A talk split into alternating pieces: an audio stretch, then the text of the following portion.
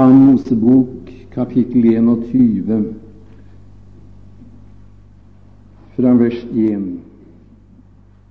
i Jesu navn. Dette er de lover som du skal legge frem for dem.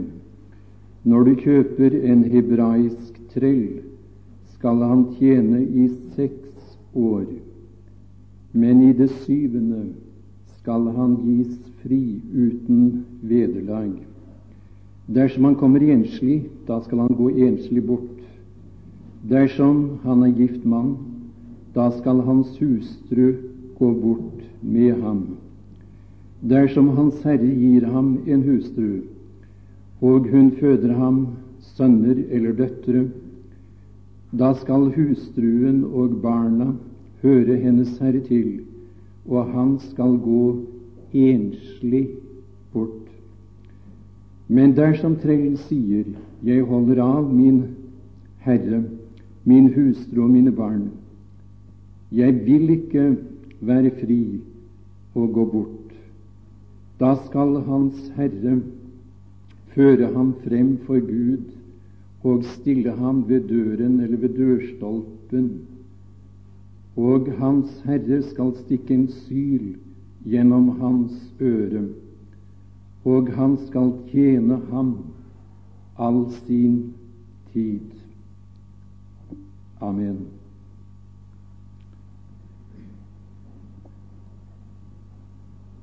Det er mulig at vi bør rekapitulere i et kort sammendrag av det vi var opptatt av i går aftes i bibeltimen. Og jeg skal prøve å gjøre det så kort som mulig. For deres del kan det være godt som ikke var her i går, så vi får litt sammenheng i det vi nå er eh, opptatt av fra Guds ord. Vi så i går aftes at den hebraiske trell som er omtalt i loven, er et meget fint og talende forbilde på vår dyrebare frelser, den Herre Jesus Kristus. Eh, jeg nevnte eh, fra Salme 40 og vers 7, hvor den Herre Jesus sier og det kan vel ikke være tvil om at det er den hebraiske trell som taler her. Når vi sammenligner det med Amos-bok 21,6, så blir det tindrende klart. Du har boret øre på meg. Jo, det er trellen, det er tjeneren, og jeg nevnte at så vidt jeg vet, er det samme uttrykk i originalteksten eh, for tjener og trell. Han er trellen, han er tjeneren. Vi leste videre fra Det gamle testamentets profetier, og vi så at han den Herre Jesus gjentatte ganger der er omtalt som tjener. Og vi minnet hverandre spesielt om Isaias 53. Se, min tjener, han som rettferdiggjør de mange, han som ble såret for våre overtredelser, knust for våre misgjerninger. Straffen lå på ham for at vi skulle ha fred, og ved hans sår har vi fått legedom. Jeg satt og frydet meg over det i aften her nede på benken. Jeg kunne ikke annet, spesielt da vi sang til en åpning. Jeg vil prise min gjenløser.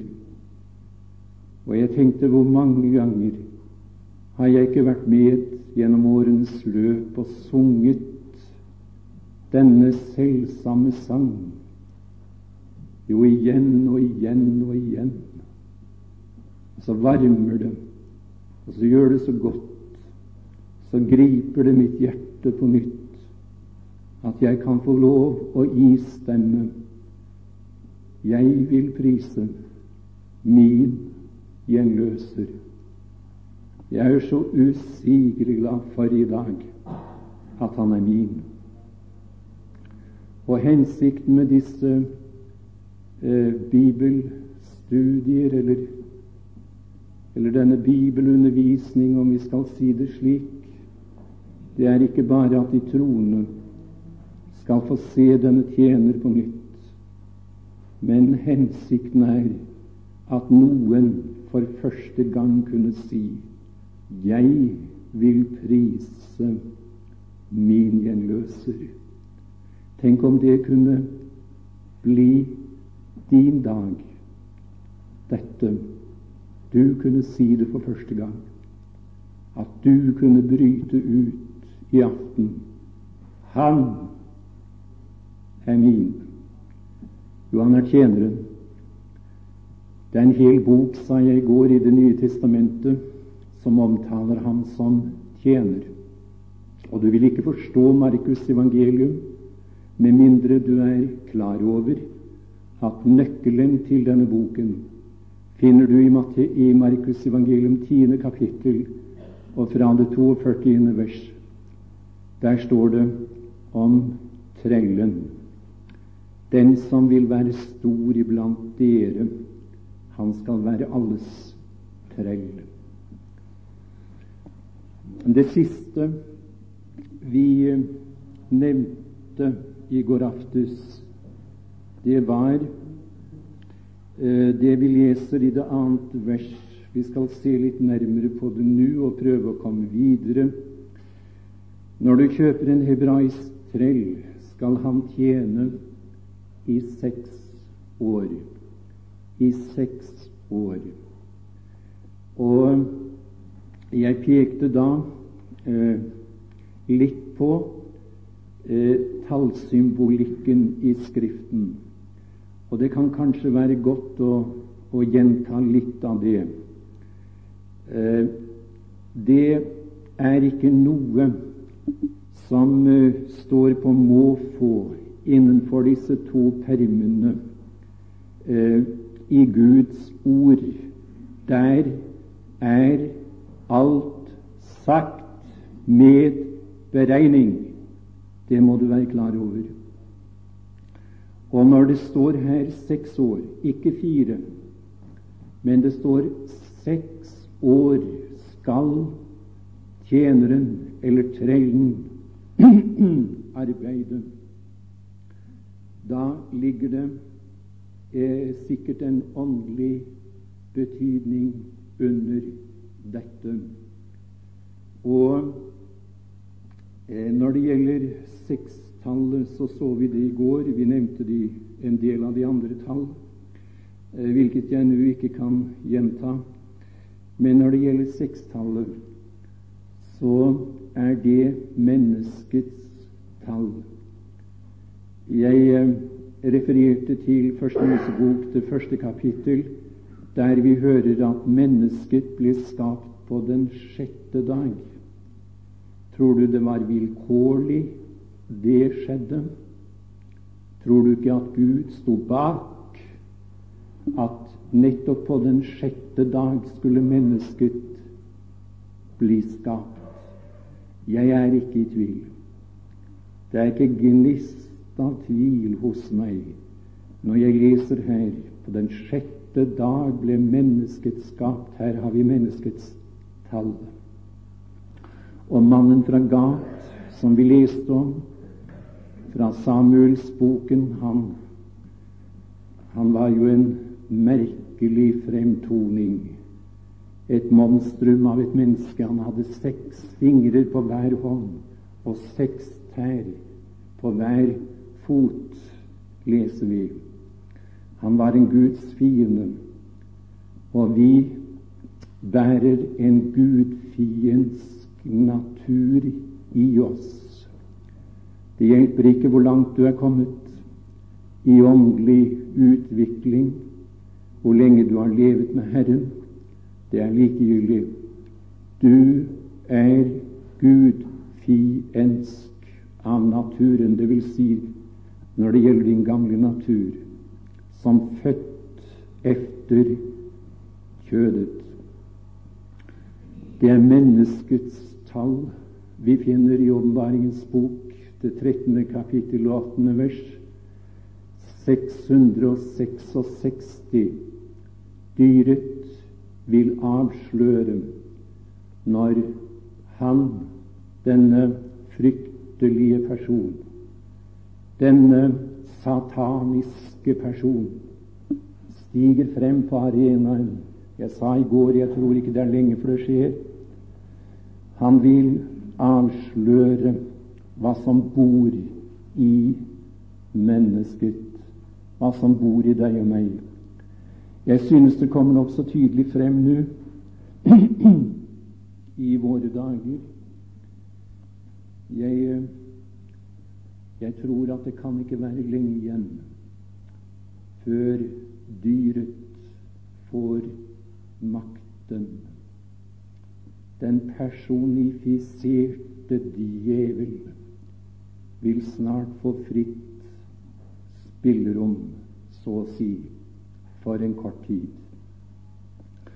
Men hvor godt at da er den frelste menighet, Kristi menighet, rykket hjem. På den annen side så ser jeg et ansvar som hviler på meg og hviler på oss her. Vi burde vinne sjeler. Godt folk, vi burde vinne sjeler. Tiden er kort, og hvis du er her i aften, så skulle jeg skulle jeg ønsket, ja, det har vært min bønn, at noen måtte gå frelst hjem fra dette møtet. Må vi be om det. Det kan nemlig, Gud være takk, skje mens man sitter her og hører, hører ordet om ham. Menneskets tall, det er sekstallet så leser vi videre i det annet vers. Vi tar med hele verset, vil du se på det. Når du kjøper en hebraisk trell, skal han tjene i seks år, men i det syvende I det syvende Hva da? Jo, hør nå. I det syvende skal han gis fri uten vederlag. I det syvende, hørte du det? I det syvende år, altså, skal han gis fri uten vederlag. Syvtallet forekommer også meget ofte i Guds ord. Eh, vi har syv dager i uken. Gud har forordnet det slik. Syv dager i uken. Og jeg kan nevne bare rent sporadisk nå, vi kan ikke gå i detaljer her, men det er syv lignelser i Matteus evangeliums 13. kapittel. Det er syv menighetsbrev i Åpenbaringens bok, det annet og tredje kapittel. Og jeg tror at det kan også være av betydning å minne om at uh, svært meget er bygget på tallet syv. Vi har f.eks. syv farver i regnbuen. Det er syv toner i musikken. Syv. Det er noen som har eh, hevdet like ut at denne boken, Bibelen, den er bygget på tallet syv. Jeg kan ikke bevise det, men jeg kan heller ikke motbevise det. Jeg vil heller si det er svært meget som tyder på at Bibelen er bygget på nettopp dette tallet, syvtallet. Syv! Det er fullkommenhetens tall.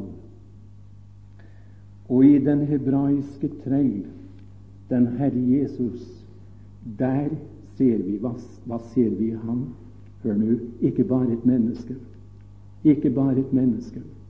Men vi ser i ham, la oss holde fast ved det, det fullkomne mennesket. Det fullkomne mennesket er han som ingen begynnelse har som Guds sønn i sin evige væreform, så hadde han ingen begynnelse. Og han vil aldri få dagers ende, sier Hebrebrevets syv om ham. Han ble en treng. Han ble en tjener. Han tok på seg tjenerskikkelsen som samboerland her minnet oss om. Tjenerskikkelsen. Og i ham ser jeg det fullkomne mennesket, og jeg ser i ham den perfekte tjener. Han er helt perfekt. Ikke noe å utsette på ham. Himmelen, godt folk, hadde intet å kritisere ved denne personen. Og Vi skal se litt på det nå. Og må denne personen gripe våre hjerter. Må vi bli opptatt med ham, så vi glemmer hverandre i aften. Så du glemmer ham som taler. Bare bli inntatt av denne velsignede person, Herren selv. Kristus. Han sier idet han tar på seg trelleskikkelsen Vi leser i Hebrebrevet, det tiende kapittel. Hebrebrevet, kapittel ti. Fra det femte jeg tror vi må lese til og med det niende vers. Derfor sier han, idet han treder inn i verden, offer og gave ville du ikke ha, men et legeme laget du for meg. Brennoffer og syndoffer hadde du ikke lyst til. Da sa jeg, se, jeg kommer, i bokrullen er det skrevet om meg, for å gjøre din vilje o Gud. I det han først sier offer og gaver og brennoffer og syndoffer ville du ikke ha, og hadde du ikke lyst til, og de bærer dog, bæres dog frem etter loven, så har han deretter sagt, Se, jeg kommer for å gjøre din vilje. For å gjøre din vilje. Han tar det første bort for å innsette det annet, og ved denne vilje er vi helliget ved ofringen av Jesu Kristi legeme en gang for alle. Der gikk et menneske på denne jord ca. 33 år. Og hør nå han hadde en lidenskap, han hadde en lyst, et atro en hunger. Det var bare én ting som kunne tilfredsstille denne personen, og det var å gjøre Guds vilje. Det var det han higet etter, og det var det han gjorde som tjener. Og jeg har lyst til i denne sammenheng å minne om hva det står i Johans Johansevangelium, det fjerde kapittel. Det fjerde kapittel hos Johannes. Og der i det 34. vers eh, Det er disiplene som nå møter ham. Det står ifra det 31. vers, la oss ta med derfra. Imens ba disiplene ham og sa, Rabbi, et. Men han sa til dem, Jeg har mat å ete som I ikke vet om. Disiplene sa da til hverandre, skulle noen ha båret mat til ham? Og hør nå, her har du forklaringen. Jeg har mat å ete som ikke dere kjenner til, som ikke dere vet om. Hvilken mat var det? Jo, hør. Min mat er å gjøre Hans vilje, som har sendt meg, og å fullføre Hans gjerning. Si meg, hva var den Herre Jesus opptatt med nå? Jo, jeg skal redde en stakkars forkommen, fortapt synder. Det var det han var opptatt med. Det var det han hungret efter. Det var det som kunne tilfredsstille Herren, at han fikk berge en sjel for evigheten. Rive henne ut av det jerngrep som djevelen holdt henne i, for å frelse henne. Det skjedde ved at han talte livets ord til denne sjel. Ja, var det ikke sånn det skjedde også for vår del? Og jeg skal si deg, hvis du sitter her i dette møtet som ikke er frelst Den Herre Jesus vil bli tilfredsstillet om Han får berge deg her og nå. Vil du mette ham? Vil du tilfredsstille ham i aften? Du kan gjøre det. På hvilken måte, sier du? Ved at du gir opp din motstand imot ham, faller på dine kne i aften og sier, Herre Jesus, her er jeg, ta meg som jeg er. Skal du bli tilfredsstillet? Men hør nå, han vil bli mettet ved å frelse en forkommen synder i Viavågen i aften. Skal han bli tilfredsstillet? Vil du si ja til ham? Jeg tror det går mennesker iblant oss som er urolig. Jeg har merket meg det under samtaler. Det er mange som er langt mer urolig enn noen av oss aner, fordi Guds ånd har begynt å røre ved dem gjennom evangeliet. De har det vondt. Men så har det blitt slik at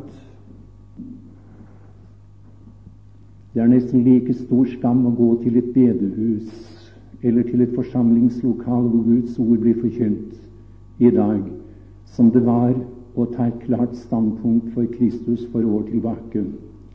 Så holder de seg borte.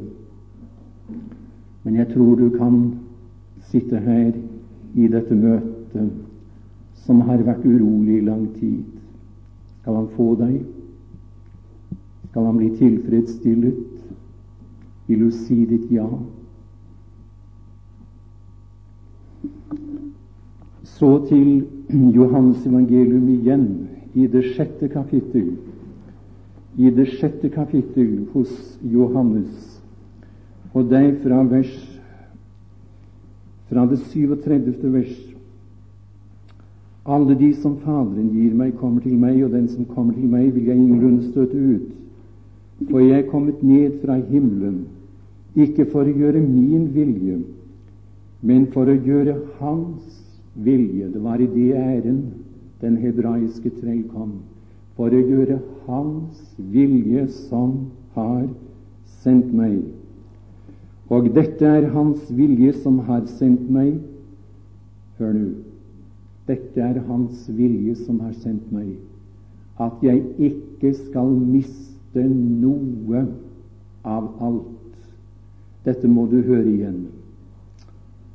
Det er Hans vilje som har sendt meg at jeg ikke skal miste noe av alt det Han har gitt meg. Og jeg, jeg ble så begeistret da jeg leste disse ordene på nytt i dag.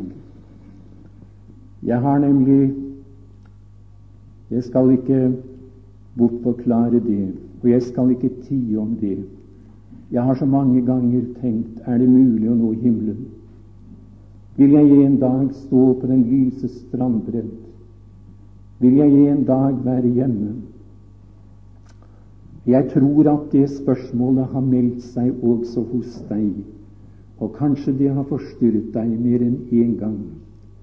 Hør nå, vet du hva den hebraiske trell kom for? Jo, for å gjøre Hans vilje, Guds vilje. Og tror du han mestret oppgaven?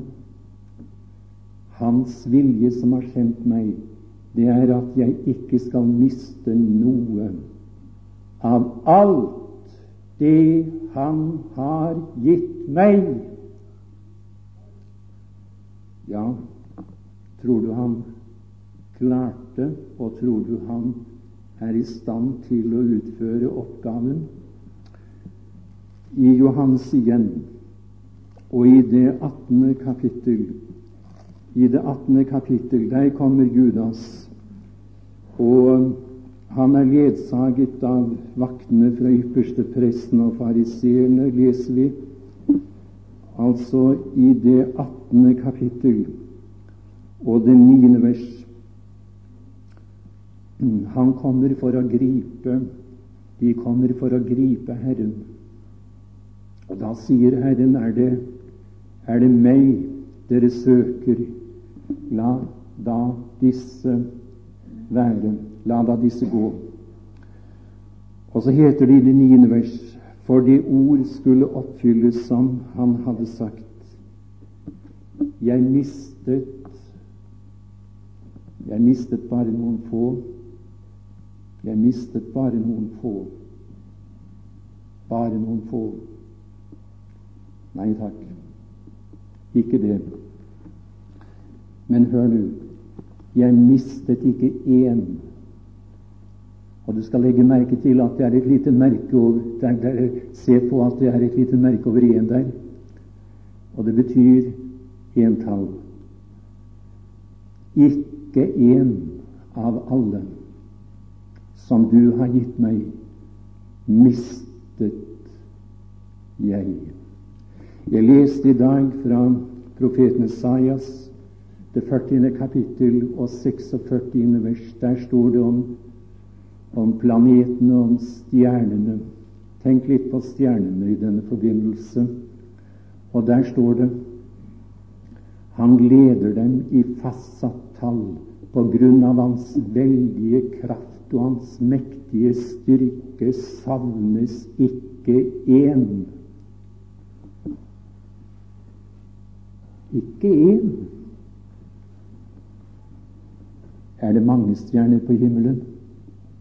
Det er ingen, absolutt ingen som kan fortelle deg hvor mange det er min tilhører. Det vet du. Det er du klar over. Universet, det er som noe uendelig noe. Hør nå. Skal vi lytte til Herrens ord på nytt? På grunn av, av Hans veldige kraft og Hans mektige styrke savnes ikke én. Men det, det, det, er det han har skapt, det her er tale om.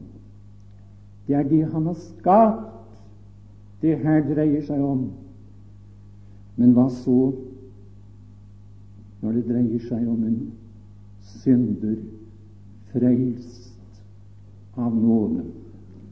En som er lemmet inn i familien, Guds store familie, ved en følelse av frelse.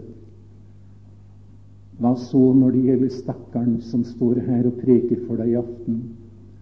som så mange ganger har tvilt på at det er mulig å nå gjennom vanskeligheten og prøvelsen og fristelsen og alt dette der. Hva, hva når det gjelder når det gjelder dem som Faderen har gitt til Sønnen? Hva når det gjelder dem som han forløste da han var så dypt som ingen vet? Å, det grep mitt hjerte. Og jeg måtte si Gud takk. Når ikke noe av det skapte skal savnes, ikke én skal En dag er hjemme, så vil det ikke sannes en eneste en. Ikke en. Ikke en eneste. Jeg leste i, ansam, i første Samuels bok, unnskyld, og i det 30. kapittelet står om David da han berget byttet fra Siklag. Amalekittene hadde, hadde angrepet byen, brent den opp og tatt folket til fange. Men så går David imot byen. Og det var noe der også som jeg synes vi må ta med her. David, han uh, førte fangene tilbake. Og så heter det her, vers 19, det er første Samuels bok, det 30. kapittel. Det manglet ikke noen. Det manglet ikke noen, verken liten eller stor, verken sønner eller døtre. Alt sammen, alt bytte, hadde David med seg tilbake. Det manglet ikke noen. Og så står det i det tyvende verset at det var noen som gikk foran, og så ropte de Dette er Davids bytte. Hør nå. En dag skal den hebraiske trell få lønn for sitt arbeid, lønn for sin smerte. Han har fått det allerede, i og med den skare han i dag har fått frelst. Men eh, jeg ser frem til den dagen da det skal sies dette dette er Kristi bytte. Dette er Kristi bytte. Og jeg ser ikke bare menighetens troende, men jeg ser mine tilhørere, alle troende fra Abel og inntil den siste han får redde, før han reiser sin store, hvite trone ifølge Åpenbaringens bok til 20. kapittel. Og så hører jeg savnes ikke én. ikke én. Han var mann for oppgaven. Han fikk dem hjem. Han frelste ikke bare for noen tid, noen dager, uker, måneder, år. Han frelser. Godt folk, han frelser for evigheten. Det er det som er det fine med ham. Han er kommet i den hensikt å gjøre Guds vilje.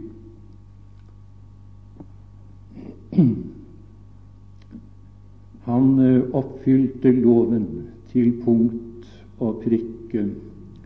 Han ga Gud ære på denne jord, hvor Guds navn var blitt trampet under fot og vanæret i den grad han ga Gud ære. Fikk han noen vitnesbyrd? Ja, la oss se.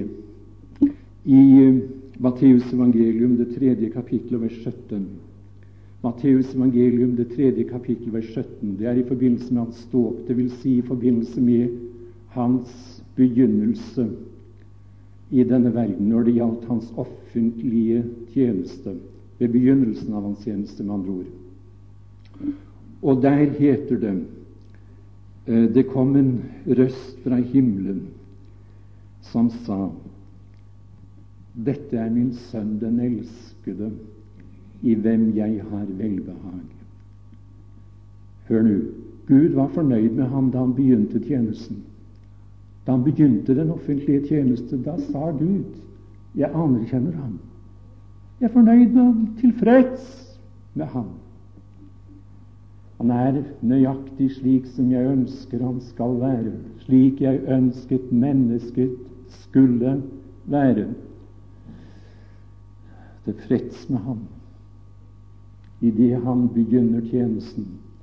Hva så når han står ved avslutningen av sitt liv og sin tjeneste her på jorden, den hebraiske trell? Hva da? Jo, slå opp på Matteusevangelium, det 17. kapittel, og les der vers 3. Matteusevangelium, det 17. kapittel, og det tredje vers.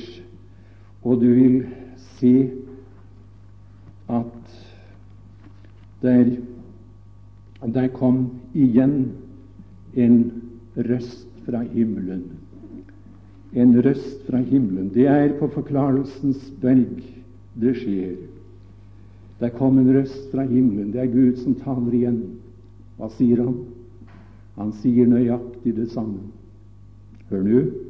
Han var fornøyd med ham da han begynte, da han tok til, da han startet tjenesten. Ja, nå er han snart ferdig med tjenesten. Og så sier Gud, 'Jeg er like fornøyd med ham'. For ikke å si jeg er mer begeistret, holdt, holdt jeg på å skulle si her nå, enn da han begynte. Jo, han har levet etter loven fullt ut ja, hør nå. Langt, langt mer enn det, naturligvis. Det er litt blitt nokså alminnelig å si at loven er identisk med Guds vilje. Loven er identisk med Guds vilje. Hør nå. Vi skal se her i aften at Guds vilje strekker seg langt lengre enn. Hva loven fordrer, det er ikke ensbetydende med Guds vilje. Vil du ta med deg den, og vil du tenke på den fra i aften av? Hør nå. På Forklarelsens berg, der kunne den hebraiske trell si jeg har tjent i seks år, billedlig talt naturligvis. Jeg har tjent i seks år nå. Jeg har vist hva jeg dugde til. Jeg har tjent under loven. Han ble født under loven, og han levde under loven. Jeg har tjent i seks år nå. Ja, jeg er tilfreds med deg. Du er velbehagelig fremdeles. Ja vel. Men hør du, skal vi lese igjen fra uh, dette avsnitt Når du kjøper en hebraisk trell, skal han tjene i seks år, men i det syvende skal han gis fri uten vederlag. Vet du hva jeg tror? Ja, jeg tror det bestemt. Jeg tror at den hebraiske trell Kristus på Forklarelsens berg kunne ha svinget seg like inn i herligheten og blitt der. Ja, det tror jeg. Ifølge loven. Efter loven hadde han rett til å gå ut fri. Han har tjent i seks år. Ja, så kunne han gå inn i herligheten og blitt der gjennom alle evigheter. Men hva så? Hør nå, han ville fremdeles ha vært den fullkomne tjener, den perfekte trellen. Han hadde oppfylt loven.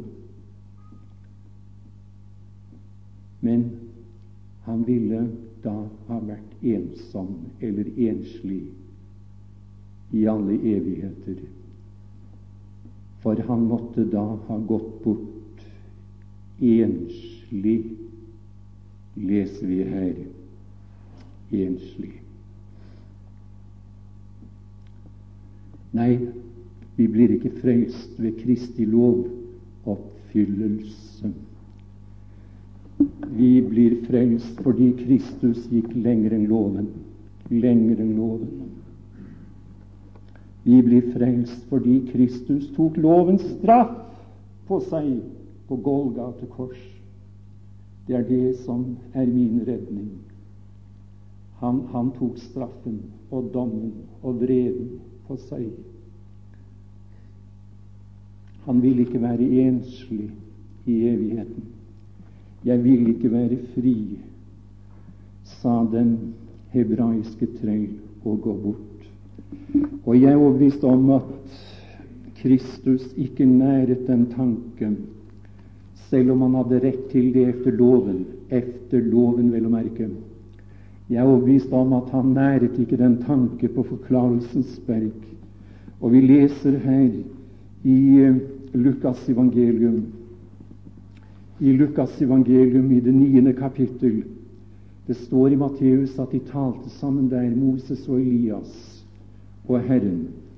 Men her i Lukas evangelium, det niende kapittel, fra det tredje vers, heter det og se, to menn talte med ham, og det var Moses og Elias. De viste seg i herlighet og talte om hans bortgang, som han skulle fullbyrde i Jerusalem. De talte om hans bortgang. Emnet på berget var Kristi død. Det var det han hadde for øye. Det var derfor han kom. Det var derfor han tok tjener- og trelleskikkelsen på seg. Det var fordi han skulle dø men han hadde rett til å gå ut fri. Å, hvor lykkelig jeg er over at han benyttet ikke denne retten. Nei, han gikk til Golgata. Han sa til Moses og Elias det er et emne som jeg gjerne vil tale med dere om, som overstråler alt annet for meg. Det er min død, som jeg skal fullbyrde i Jerusalem. Ja, han døde for deg. Han ville ikke gå fri. Han ville ikke være fri. Nei, og vi skal komme til det i morgen aften, hvorfor han ikke ville være fri. Gud gi at du kunne benytte deg av denne trell i aften. Han presenteres for deg. Han vil bli din frelser fra nå av. Ja, vår Gud, vi har noen øyeblikk vært opptatt med Ham som fyller ditt hjerte, med Ham som tilfredsstilte deg i en evighet. Og vi har vært opptatt litt med Ham som tilfredsstilte oss Takk at vi en dag fikk benytte oss av at Han døde i vårt sted. Jeg takker deg at det skjedde på et så tidlig tidspunkt i mitt liv. Og jeg vet at jeg har de troende som har levet et langt liv sammen med deg, med meg, når jeg nå gir uttrykk for takknemlighet overfor deg, fordi du stanset oss i unge år. Og er det en ungdom, en gutt eller pike, er det en ung kvinne eller mann, eller det er noen i, i alderdommen som sitter her og ikke er frelst, jeg ber deg, Fader, la noe av det som vi her har brakt fra din bok i aften, ved din ånd bli dem til redning og frelse. Vi ber for